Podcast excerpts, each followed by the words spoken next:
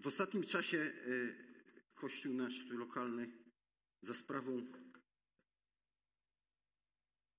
za sprawą tego, że się dzielę, y, macie wgląd trochę w moje życie zwykle. To jest taka łaska też dzielić się swoim życiem. I w ostatnim czasie, na ostatnim kazaniu, tego co pamiętam, dzieliłem się też tym, że próbuję stabilizować swoje ciało.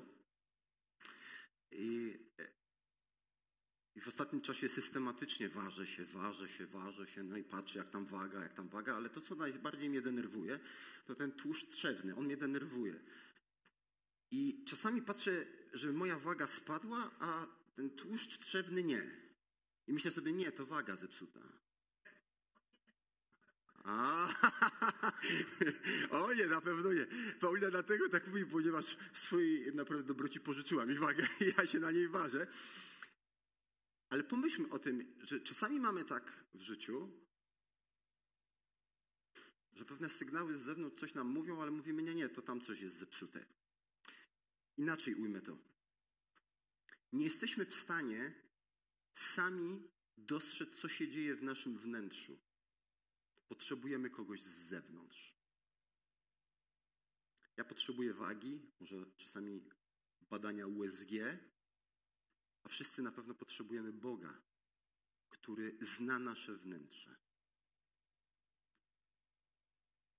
I takim testem, właśnie te testy są tym, co, co mnie czasami martwi, bo myślę sobie, jest całkiem fajnie, a wejdę na wagę i myślę, wcale nie jest.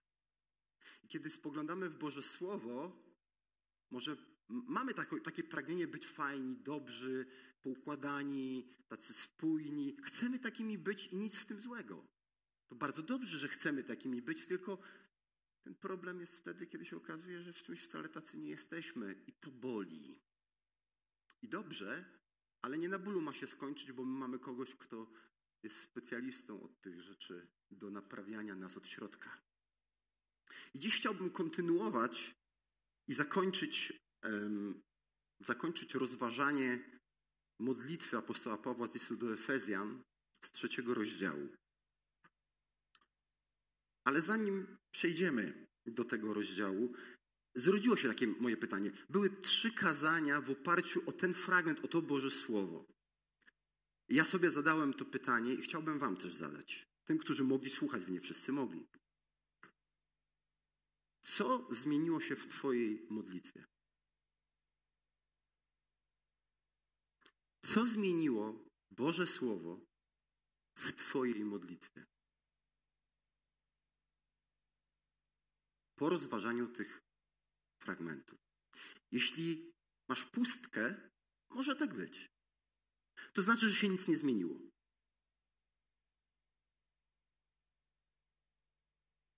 No i wtedy trochę smutno, nie? Słucham i nic nie, niczego to nie zmienia. Ale to nie ma być smutek, jeżeli tak jest, to nie ma być smutek, który nas zrujnuje.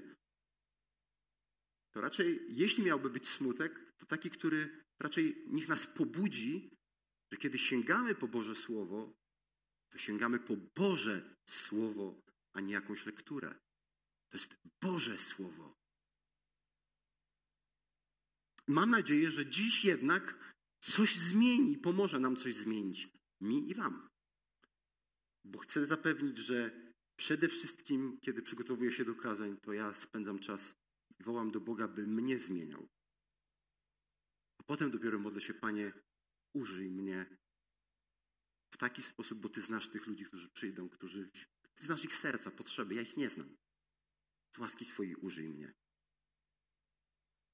A zatem dzisiejszy temat chwalić Boga. Dlaczego? A taki tytuł sobie wymyśliłem. Chwalić Boga? Dlaczego?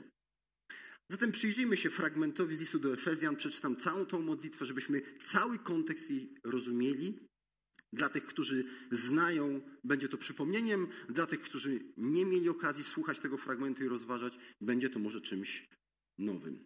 Więc Paweł napisał w liście do Efezjan tak, w trzecim rozdziale od 13 wersetu. Przed proszę, abyście nie upadali na duchu z powodu udręk, jakie za was znoszę. Wszak to chwała wasza. Dlatego zginam kolana moje przed Ojcem, od którego wszelkie ojcostwo na niebie i na ziemi bierze swoje imię, by sprawił według bogactwa chwały swojej, żebyście byli przez Ducha Jego mocą utwierdzeni w wewnętrznym człowieku. Żeby Chrystus przez wiarę zamieszkał w sercach waszych, a wy wkorzenieni i ugruntowani w miłości, zdołali pojąć ze wszystkimi świętymi, jaka jest szerokość, długość i wysokość i głębokość. I mogli poznać miłość Chrystusową, która przewyższa wszelkie poznanie, abyście zostali wypełnieni całkowicie pełnią Bożą. Temu zaś, który według mocy działającej w nas potrafi daleko więcej uczynić ponadto wszystko, o co prosimy albo o czym myślimy, temu niech będzie chwała w Kościele i w Chrystusie Jezusie po wszystkie pokolenia na wieki wieków. Amen. A zatem Paweł zaczyna tę modlitwę od takiego stwierdzenia, przeto proszę, abyście nie upadali na duchu. Chodzi o to, że apostoł Paweł głosił Ewangelię w Efezie, a potem na skutek głoszenia jeszcze gdzie indziej Ewangelii trafił do więzienia i teraz wierzący w Efezie wiedzą, że Paweł jest uwięziony, że, że dostał się do trudnych warunków, w których znajduje się z powodu Ewangelii, z powodu, że głosi, że wierzy i głosi. I oni się tym gdzieś zamartwiali. Paweł nie tylko zamartwiali, bo słowo zamartwianie to jest takie delikatne. Oni rzeczywiście, żeby nie upadali na duchu, żeby nie zwątpili, byli przygnieceni gdzieś tym. Paweł mówi, no oby tak nie było. Dlatego zginam kolana moje, dlatego modlę się, to zginam kolana naprawdę. Żydzi się nie modlili na kolanach. To jest, to jest takie, to jest modlitwa zaangażowana, modlitwa pełna pragnienia takiego, by Bóg wysłuchał. I Paweł, będąc sam w kłopotach w więzieniu, modli się o wierzących, żeby oni nie, nie zwątpili, żeby oni nie stracili zapału. Może dlatego, że, no właśnie, jak się może skończyć życie z Jezusem? No w więzieniu. Nie upadajcie na duchu, nie martwcie się. Nie martwcie się. Nie, nie bójcie się o przyszłość. Nie drżyjcie. I podaje nam trzy prośby, o których mówiliśmy. W tej modlitwie jakby prosi wzmocnij, wzmocnij mnie, powiemy, jako Kościół powiemy wzmocnij nas w wewnętrznym człowieku, tak? Aby Bóg przez ducha swego wzmocnił nas w wewnętrznym człowieku. To znaczy, że człowiek nie jest tylko fizyczny, nie jest tylko ciałem, ale posiadamy wnętrze, w którym tak wiele, jeśli ten człowiek wewnętrzny jest silny, nawet ten zewnętrzny, jeśli niszczeje, bo niszczeje, jest mocny, by dalej pójść. To wiemy o tym, że nawet wielokrotnie, nawet nie o tym Paweł tu pisze, ale psychika jak wpływa, prawda? Sportowcy mają swoich doradców, żeby byli zdolni pewne rzeczy pokonać. A cóż dopiero wzmocnienie przez ducha. Kochani, no to, to, to, to jest naprawdę, to jest i myślenie, i naprawdę spoza nas siła. Wzmocnij, mieszkaj ze mną. To jest nie zaproszenie, aby Jezus zapro, zapraszamy Jezusa, aby pierwszy raz zamieszkał. To nie jest to. To Duch Święty w nas jest, a my mówimy, tak, Boże, rozgaszczaj się wszędzie, wejdź w każdy zakamarek. Zrób, z, ufam Ci. Ty wiesz, jak posprzątać ten dom. To jest to, to, to właśnie zamieszkaj ze mną, mieszkaj ze mną. Może nie zamieszkaj, tylko mieszkaj ze mną. Mieszkaj ze mną. To wymaga zaufania.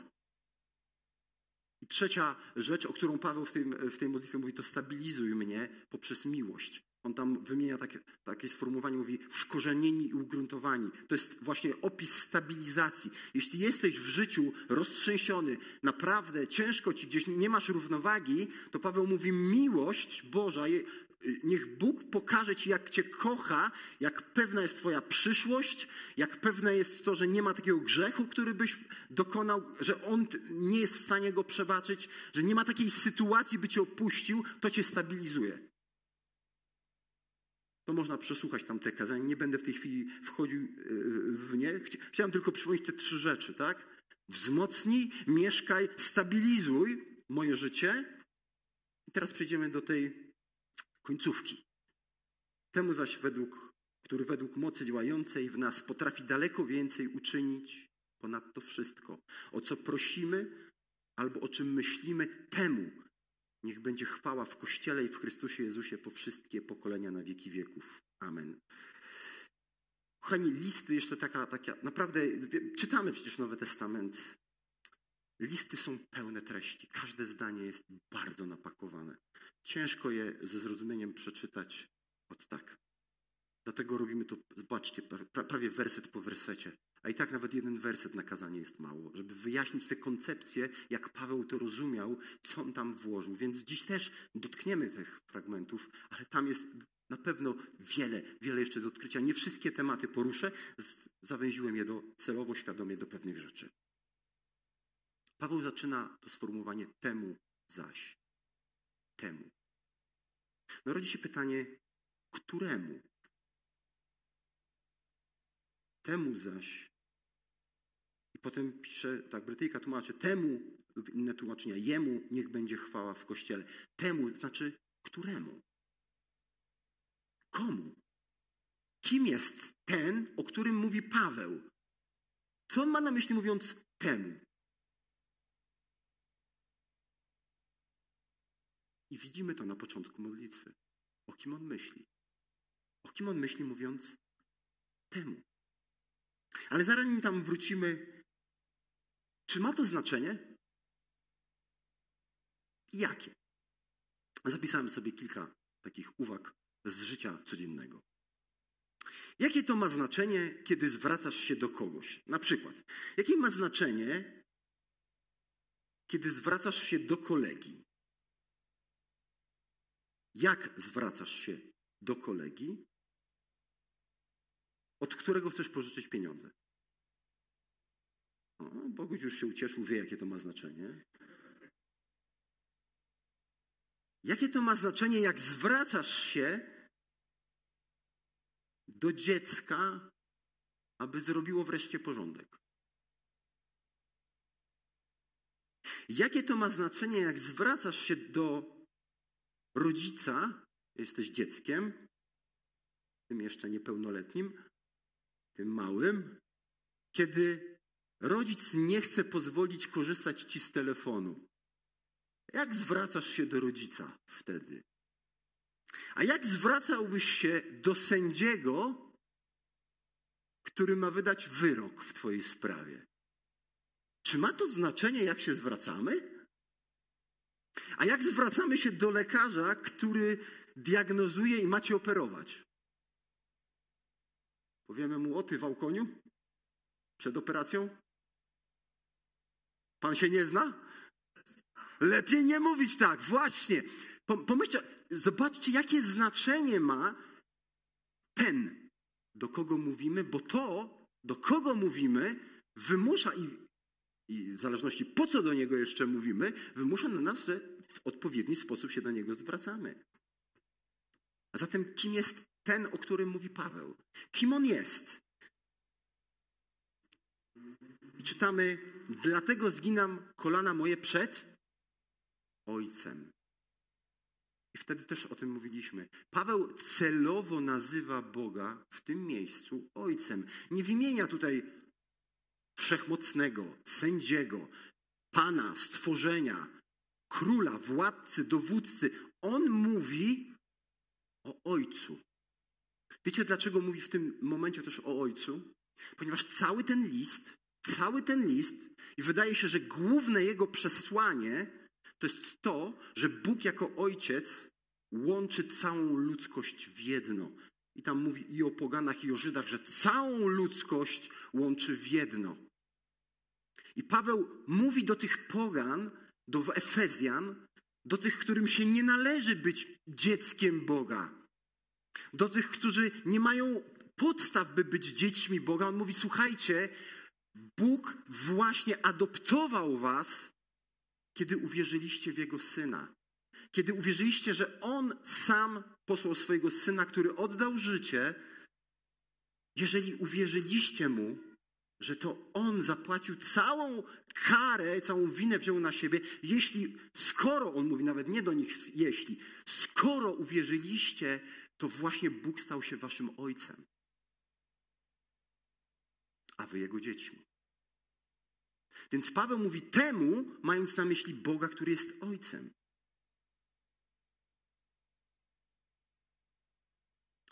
Co niesie ze sobą ojcostwo? Dlaczego używa to? No ojciec w tamtych czasach w ogóle decydował, kto jest w rodzinie, więc adopcja dzisiaj troszeczkę ma inne znaczenie, podobne, ale inne. Tam naprawdę to było wielkie wydarzenie. Adoptować i włączyć kogoś do rodziny. Więc oni słyszeli, jej, to jest zaszczyt. To jest zaszczyt być dzieckiem Boga.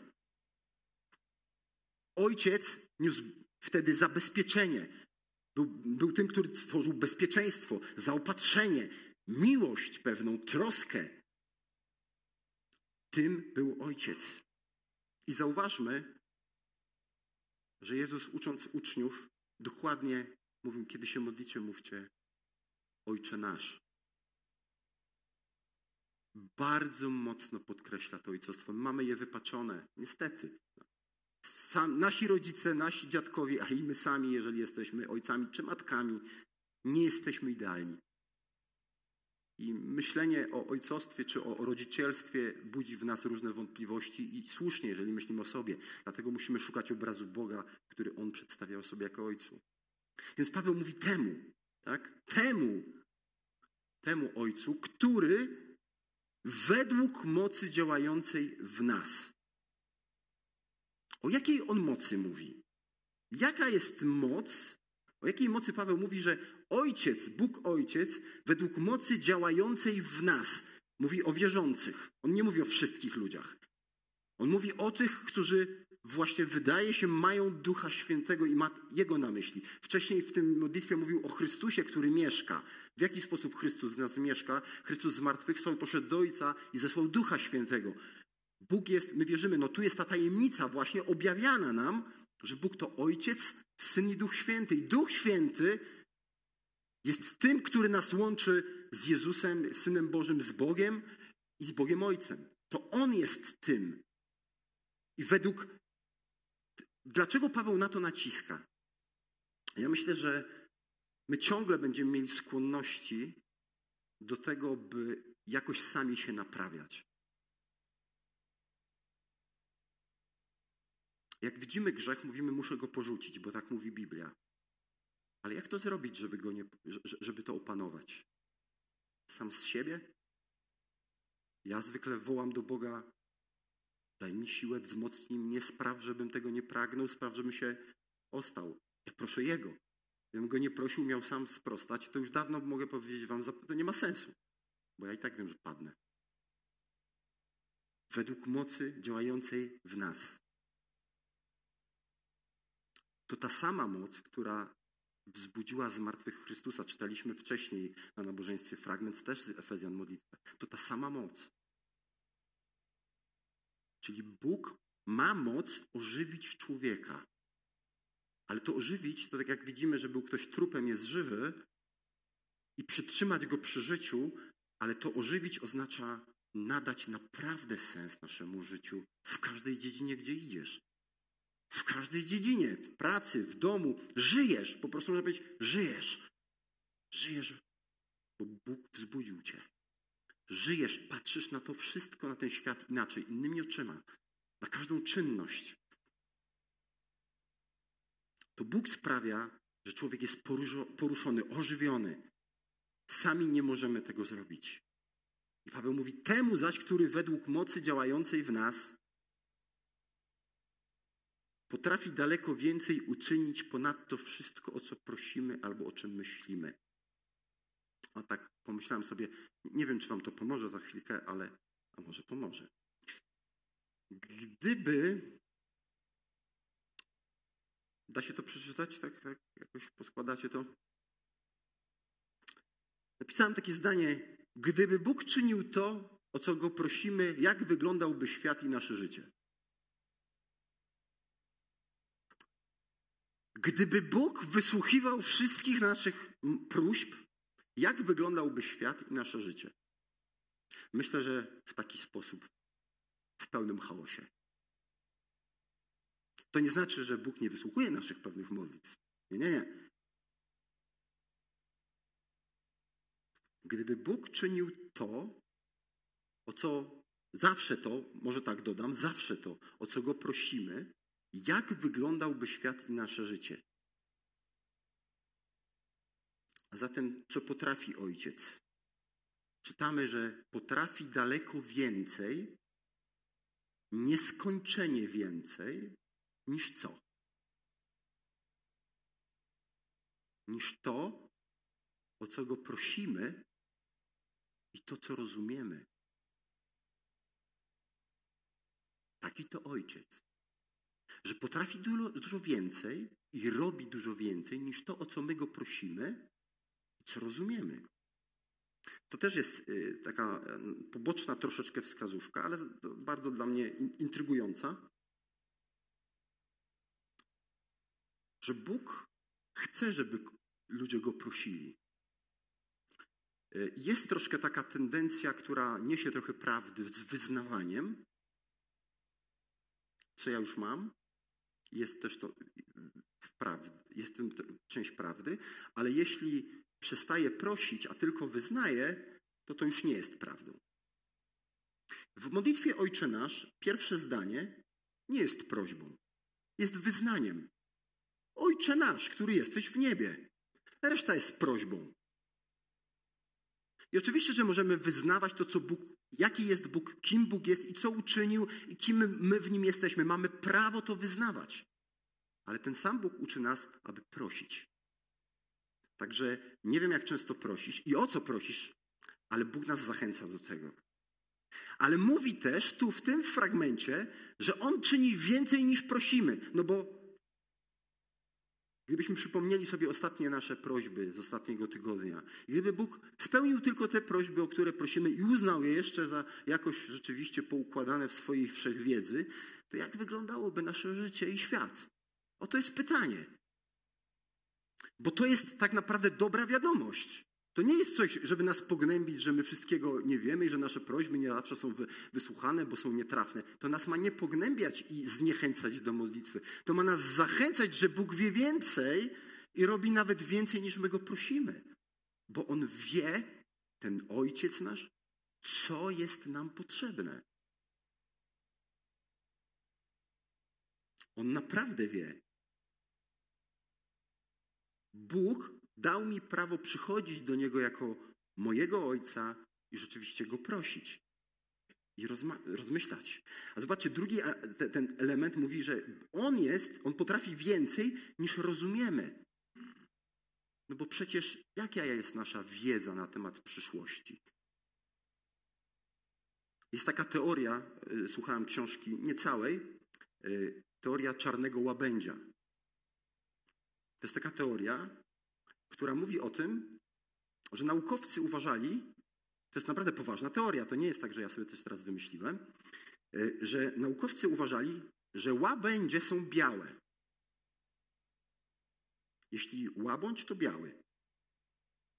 I kiedy w Australii odkryto czarnego coś, to uważali, że to nie łabędź, bo jest czarny, bo łabędzie przecież są białe.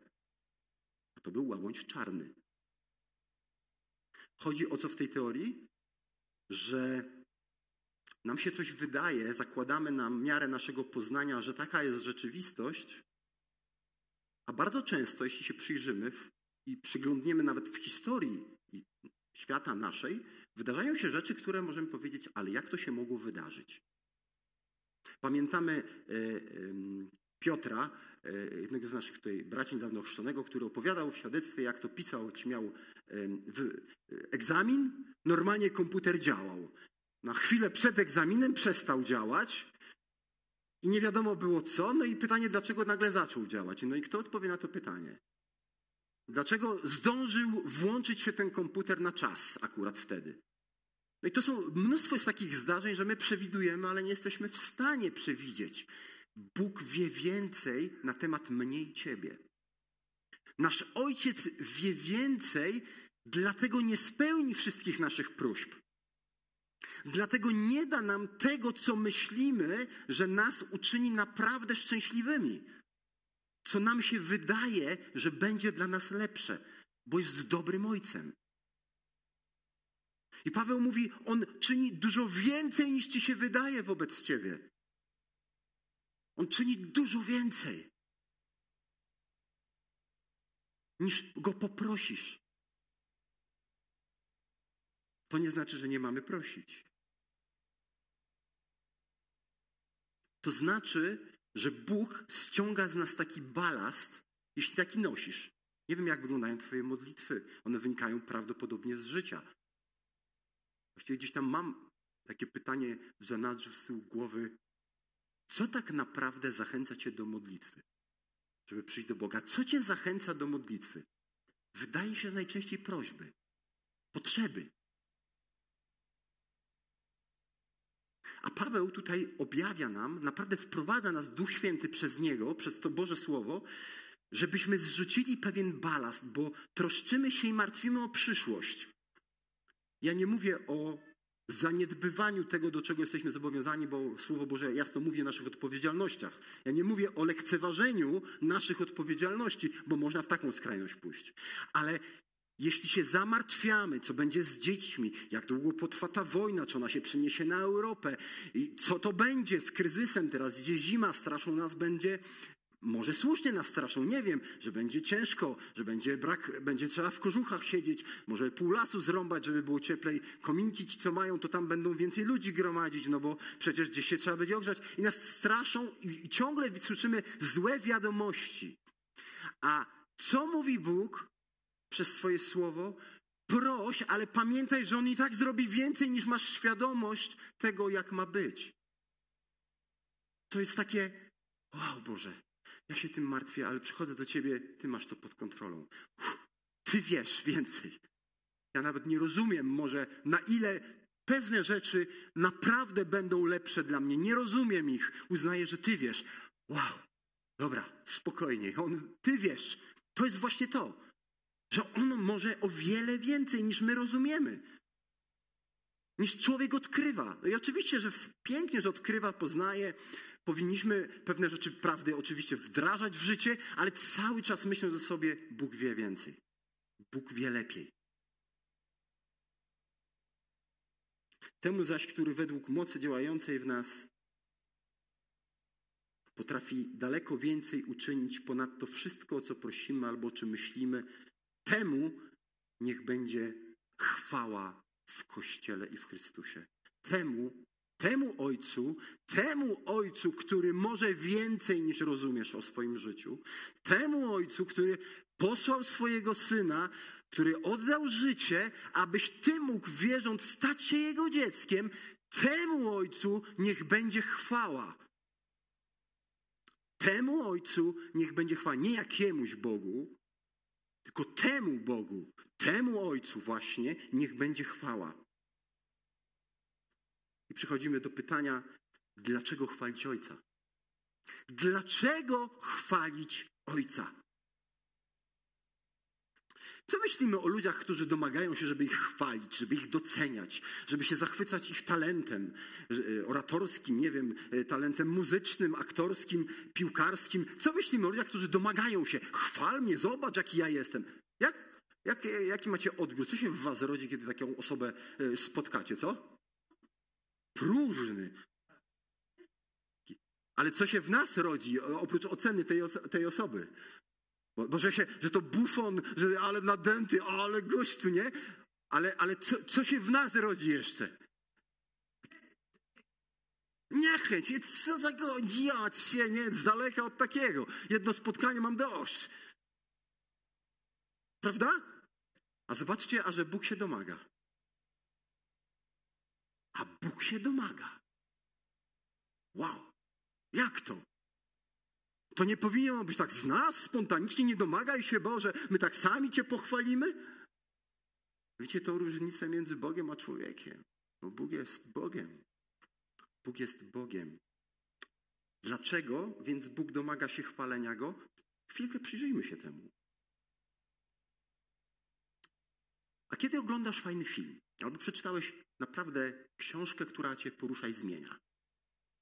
Co rodzi się w tobie? Jakie myśli? Ale fajna książka, ale budująca, ale ciekawa, ale porusza. Nie? Co zrobiłem przed chwilką? Pochwaliłem tą książkę, pochwaliłem tego aktora, y, autora. Pochwaliłem. Ty, jakie to jest świetne.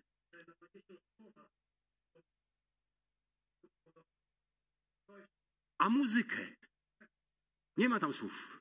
Jeśli ktoś gra pięknie na skrzypcach, jestem zachwycony, mówię, jej, jak byłem na koncercie, opowiadałem już o tym. Naprawdę zostało we mnie wrażenie tego młodzieńca Polaka, co on wyprawiał na tej gitarze. Byłem poruszony. No, po prostu uchwyciło to moje emocje. Mówię, ale pięknie gra.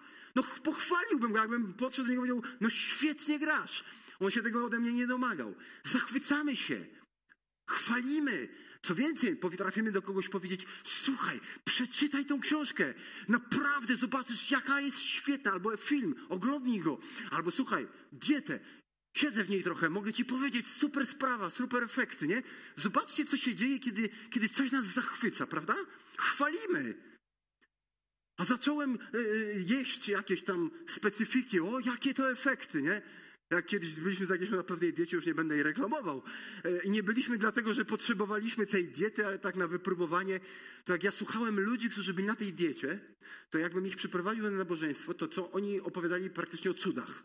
Co się wyrabiało z ich organizmami, to brzmiało jak cuda. Po prostu jak choroby odchodziły, jak oni się zaczęli czuć wspaniale, w sensie no cuda. Właśnie to jest to coś, czym my się zachwycamy i chwalimy. A zatem tym, co tu jest elementem istotnym, jest pewien zachwyt. Pewien zachwyt. Zachwyt połączony ze spontanicznością. Ktoś tak powiedział, że zachwyt połączony ze spontanicznością rodzi automatycznie radość i chęć opowiadania o tym. Pamiętam w pociągu kiedyś gościa, który y, kochał jeździć na motorze. Słuchajcie, ja dawno jeździłem tym pociągiem, bo ja pociągiem dawno nie jeździłem. No wczoraj, przepraszam, kawałek, ale, ale tak dłużej. No on prawie całą drogę opowiadał z fascynacją po prostu, jak to cudownie jest jeździć na motorze. No, on pełen zachwytu. No, on by o tym mógł mówić i mówić. No pięknie, no. Kiedy znajdziesz coś wielkiego lub fascynującego, niemal, to jest cytat, niemal Masz instynktowną, wewnętrzną potrzebę chwalenia tego przed innymi i nakłaniania ich do tego samego.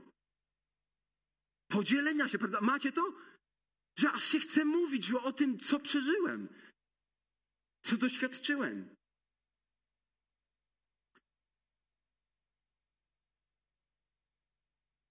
C.S. Lewis napisał tak. Myślę, że lubimy chwalić to, co jest dla nas przyjemne, ponieważ pochwała nie tylko wyraża, lecz także dopełnia radość, jest jej całkowitym spełnieniem. Jest czymś innym niż prawienie sobie komplementów. Kochankowie bezustannie mówią sobie nawzajem, jacy są piękni. Zachwyt jest niekompletny, niekompletny, dopóki nie zostanie wyrażony. Powtórzę, zachwyt jest niekompletny, dopóki nie zostanie wyrażony. Dwoje ludzi zakochanych w sobie jest ślepych oczywiście, to wiemy. Kiedyś badania, naprawdę czytałem w jakimś czasopiśmie charaktery, y, badania mózgu stwierdziły, że to są podobne objawy w mózgu jak po narkotykach. Człowiek nie ma, nie widzi rzeczywistości. No i są zachwyceni. Jak ty, ty jesteś śliczny, jak ty jesteś wspaniały. Po prostu, i się, po prostu się zachwycają sobą. No cóż, no oni są pod czymś tam, nie wiadomo pod czym, do, no wiadomo, chemia tam działa, ale, ale to jest naturalne. Ale gdyby tylko to trzymali w sobie i nie powiedzieli sobie, to to byłoby niepełne. Pomyślmy o tym. Tak nas Bóg stworzył że potrzebujemy zachwyt wypowiedzieć. Paweł powiedział: Temu chwała. Tego należy chwalić. Tego należy chwalić. Jeżeli nie wypowiemy tego w słowach, pytanie, czy w ogóle jesteśmy zachwyceni? Czy potrafimy, jak ten gościu o tym motorze, opowiadać o Bogu? Czy my jesteśmy zachwyceni Bogiem? Jeśli czujesz, że nie, jeśli widzisz, że nie, to trochę bądź smutny, ale ten smutek niech się w radość w końcu obróci. Szukaj Boga całym sercem, naprawdę To później jeszcze, ale, ale to, to jest zachwyt. Tego chce Bóg, byśmy Go chwalili, ale nie samymi ustami. To musi być w nas głębiej. Keller powiedział w ten sposób: Musimy chwalić Boga lub będziemy żyć w nierzeczywistości i w ubóstwie. Słuchajcie, jeśli ktoś nie chwali Boga, to on nie żyje realnie, jest strasznej nędzy. Ten, kto nie chwali Boga, kto nie widzi, kim on jest, nie zachwyca się nim, to naprawdę jest w nędzy. Nie możemy tylko wierzyć w naszych umysłach, że jest kochający, mądry lub wielki. Musimy go chwalić i chwalić wobec innych. Jeśli mamy wyjść poza abstrakcyjną wiedzę, osiągnąć zaangażowanie zmieniające serce. W, naszym, w tym, co rozumiemy w Biblii, nie chodzi tylko o wiedzę. My ją poznajemy. Wiecie, to jest tak jak z kazaniem. Słyszysz jakiś wykład słowa, nawet będziesz zachwycony, nim poruszony, ale za 3-4 tygodnie, gdyby cię zapytać, co zmieniło to w twoim życiu, nie co zapamiętałeś tam piękne frazy i jak super ktoś przemawiał, tylko co zmieniło to w Twojej relacji z Bogiem. Jeśli nic nie zmieniło, to to właśnie o to chodzi, że Twój umysł się zachwycił, trochę może serce i emocje. Ale to nic nie zmienia, a to chodzi o to, żeby to zmieniło nas od środka. Żeby Bóg nas zmienił, żebyśmy byli zaangażowani w, nie, w relację z Nim. Żeby to nie była abstrakcja chwalić Boga. Jak czytamy, no chwalcie Boga, no przeczytałeś i co? I nic bo Bóg chce zmienić nasze serca. I Paweł o to się modli, Paweł o to się modli. Dlatego i my powinniśmy się o to modlić. Boże, otwórz moje oczy, jak bardzo mnie ukochałeś w Chrystusie. Jak bardzo mnie kochasz, żebym był Tobą zachwycony, żebym Cię chwalił. Jeśli nie ma we mnie zachwytu, powiem Wam szczerze, i nie ma nieraz, wcale nie jestem poruszony i zachwycony, modlę się do Boga szczerze, mówię, Panie, nie ma. Otwieraj moje oczy na to, pokaż, zmieniaj żebym ja Tobą był zachwycony. I tu mi nie chodzi tylko o jakiś poziom emocji. Chodzi mi o ten naprawdę głęboki zachwyt Bogiem. Jak bardzo mnie kocha w sytuacji, w której jestem. Czy jestem w pracy, czy mam sprzątać, czy mam pomagać, czy mam modlić się. W każdej z tej sytuacji jest to samo, czy jestem zachwycony moim Bogiem, Jego miłością do mnie. A skąd wiem, czy jestem zachwycony? po tym, co ja mówię, czy go chwalę. To jest test. To jest test od Boga. W Księdze Objawienia czytamy, zobaczcie, co będzie w niebie. Niektórzy czytają mówią, jaka nuda. Nuda, jeśli myślimy o, tylko o swoim życiu w kontekście, że ja muszę coś robić, w sensie pracować, coś wytwarzać y, i na tym się skupić tylko coś ja, ja, to tak, to to nuda. Ale zobaczcie, co tu jest napisane w, y, w piątym rozdziale. A gdy spojrzałem, usłyszałem głos wielu aniołów, czyli całe mnóstwo aniołów, trony i postaci i starców. Jakieś trony, postacie, starcy tam są. A liczba ich wyniosiła krocie tysięcy i tysięcy tysięcy i tysiące tysięcy. I mówili głosem donośnym, gdzie jest ten baranek zabity? Przepraszam, godzien, dziękuję, ktoś czuwa, tak jest, godzien jest ten baranek zabity wziąć moc. Co to znaczy, on ma wziąć moc? nie chodzi, że on jej nie ma i mają wziąć. To jest uznanie, tak, to jemu się należy, bo on ją ma. To uznajemy, my uznajemy, że on ma moc i bogactwo, i mądrość, i siłę, i cześć, i chwałę, i błogosławieństwo. Następny werset, zobaczcie, tu mamy aniołów, trony, panowania, starców. I, usłysza, I słyszałem, jak wszelkie stworzenie, które jest w niebie i na ziemi, i pod ziemią, i w morzu, i wszystko, co w nich jest. Mówiło temu, który siedzi na tronie i barankowi, błogosławieństwo i cześć i chwała i moc na wieki wieków. A cztery postacie mówiły Amen. Starcy zaś upadli oddali pokłon. To jest zachwyt Bogiem i chwalenie Go. To nie jest tylko przeżywanie jakieś, to jest mówienie o nim, mówienie do niego o tym, jaki on jest i zachwycanie się nim. To jest chwalenie Boga. O to Paweł się modli. A zatem dlaczego chwalić Boga? Dlatego, bo Jego miłość nas zachwyca, bo Jego osoba zachwyca. Inaczej będziemy żyć w ubóstwie, w nędzy. Dlaczego w nędzy? Kim jest Twój ojciec? Kim jest Twój ojciec? Jakiego masz ojca? I czy wiesz, że Cię kocha i daje Ci to, co najlepsze? A najlepsze dał Ci twojego, swojego syna. A to, co masz i co przeżywasz, nie porównuj na pewno z innymi ludźmi na świecie i chrześcijanami, bo się zgubisz w tym. Uwierz, że Cię kocha i wie, co dla Ciebie najlepsze. I prowadzi Cię Twoją drogą. I C.S. Lewis, już kończymy. Jeszcze chwileńka. C.S. Lewis napisał jeszcze tak. Bardzo ciekawe to jest sformułowanie jego. Najbardziej pokorne, a jednocześnie najbardziej zrównoważone i zdolne umysły wygłaszają najwięcej pochwał, zaś dziwacy, ludzie niedopasowani i malkontenci najmniej. To nie jest Boże Słowo. To jest C.S. Lewis. Można się z tym nie zgodzić. Ale posłuchajmy. Najbardziej pokorne, a jednocześnie najbardziej zrównoważone i zdolne umysły. On był profesorem na wysokim stanowisku, wiedział o czym mówi, znał tych ludzi. Wygłaszają najwięcej pochwał, zaś dziwacy ludzie niedopasowani i malkontenci najmniej. Dobry krytyk, on mówi o literaturze akurat, ale przełóżmy sobie.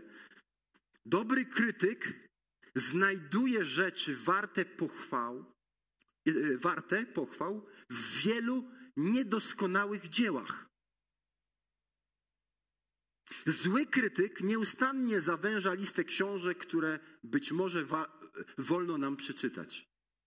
Mówi to profesor literatury. Popatrzmy dalej, podąża dalej.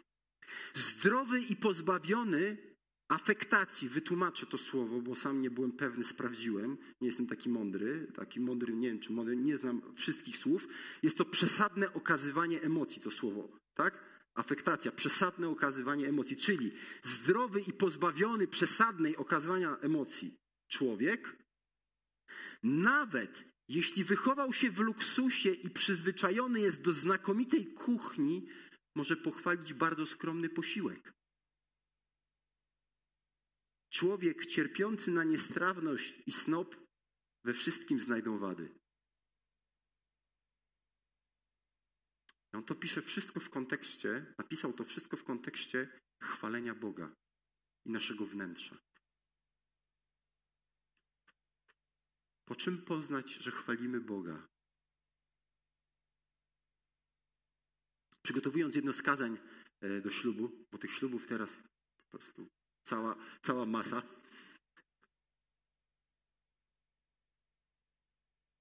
Także przygotowując je, myślę o sobie, o swoim wnętrzu.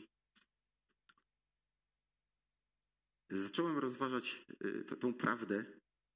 Czy ja codziennie dziękuję za moją żonę Bogu? Za, za to, że jest dla mnie darem? I co to znaczy? Bo przecież nie jest doskonała.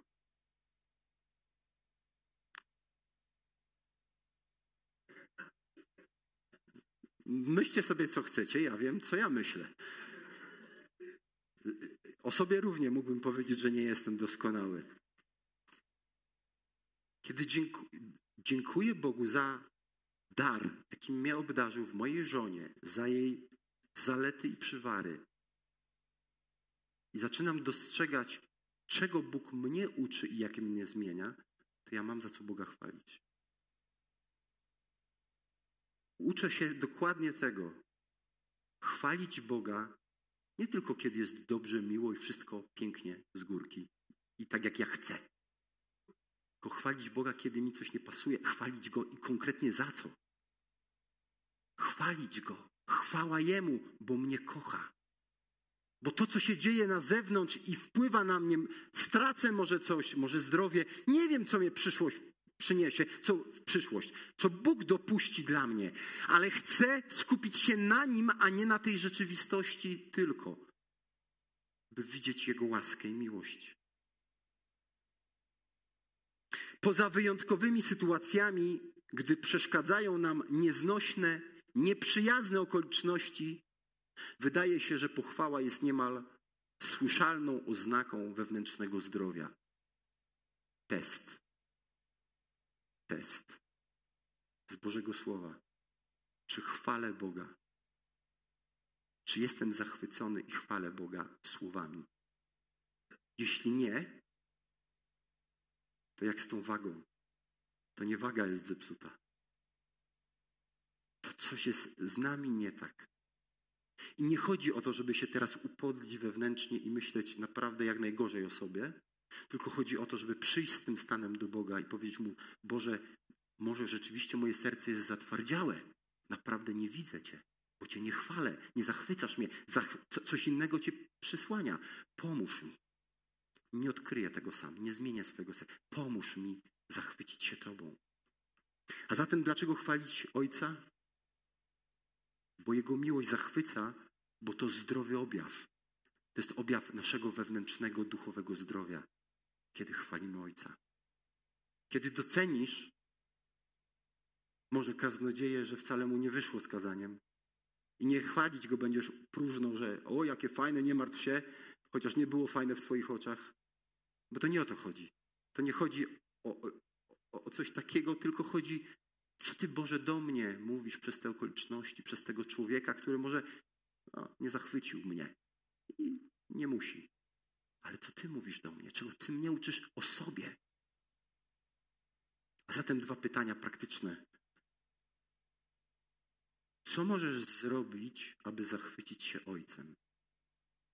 Co możesz dziś zrobić? Jeśli wyjdziesz bez odpowiedzi, chociaż jednej praktycznej, zapomnisz o tych pytaniach i o tym słowie. Zapewniam cię. Co możesz zrobić, aby zachwycić się Ojcem? Pomyśl chwilę. Co możesz zrobić? Możesz poznawać Go poprzez Boże Słowo. Możesz rozmawiać z innymi ludźmi, którzy mówią i znają Go. Możesz modlić się do Niego. Możesz pójść na spacer prostu popatrzeć na Jego stworzenie. Co możesz zrobić, żeby zachwycić się Ojcem? Nie wzbudzisz sam w sobie tego, ani ja, i nie o to chodzi. Niech On nas naprawdę zachwyci. Co możesz zrobić? Dwa. Zresztą, przepraszam, jeszcze tu dodam. Paweł modli się dlatego, otwórz oczy. Żeby Bóg otworzył oczy, bo jesteśmy ślepi. Skupieni na problemach nie widzimy Ojca. Drugie pytanie praktyczne. W jaki sposób możesz wyrażać swój zachwyt Ojca? W jaki sposób chcesz to zrobić? Co chcesz zrobić, by kiedy się zachwycisz? Co zrobisz? Może tu złożysz świadectwo. Może pomodlisz się sam, a może będziesz opowiadał też innym, a może to wszystko, gdzie tylko będziesz miał okazję chwalić Ojca. W jaki sposób możesz to zrobić? Paweł uczy nas przez tę modlitwę. Prosi, wzmocnij mnie, mieszkaj ze mną, stabilizuj mnie Twoją miłością, a to wszystko jest, zaczyna się i kończy na Ojcu, którego powinniśmy chwalić, zachwyceni. I to jest pewien test, jak ta waga. Ojcze, Ty widzisz, że nie zawsze jesteśmy zachwyceni Tobą. Widzisz moje życie, że nie zawsze jestem zachwycony Tobą. Rzeczy różne potrafią mi zaburzyć te moje oglądanie rzeczywistości. Że są rzeczy, za którymi moje serce szybciej biegnie niż do Ciebie. I chcę przychodzić do Ciebie i prosić Cię o nasz Kościół, o tych, którzy tu dzisiaj są i tych, którzy może będą słuchać tego słowa byś otworzył nasze serca, byś skruszył nasze serca, byśmy mogli wyznać grzechy, jeśli są takie, które zasmucają Cię.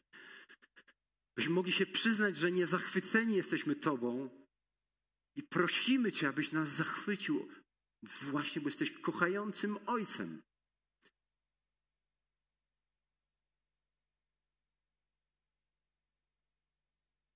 Tak bardzo potrzebujemy Ciebie. Dlatego prosimy, a nie żądamy. I dziękujemy, że mamy do Ciebie przystęp, że możemy do Ciebie przyjść. Z jednego tylko powodu, że Ty sam nas tak ukochałeś i oddałeś swojego Syna. I On z mur tą zasłonę zerwał, że teraz, w tej chwili, każdy z nas może do Ciebie przyjść, do tego świętego Ojca, do tego świętego miejsca, by z Tobą się spotkać i Ty tego chcesz i Ty to umożliwiłeś nam. Dziękujemy Ci za to. Amen.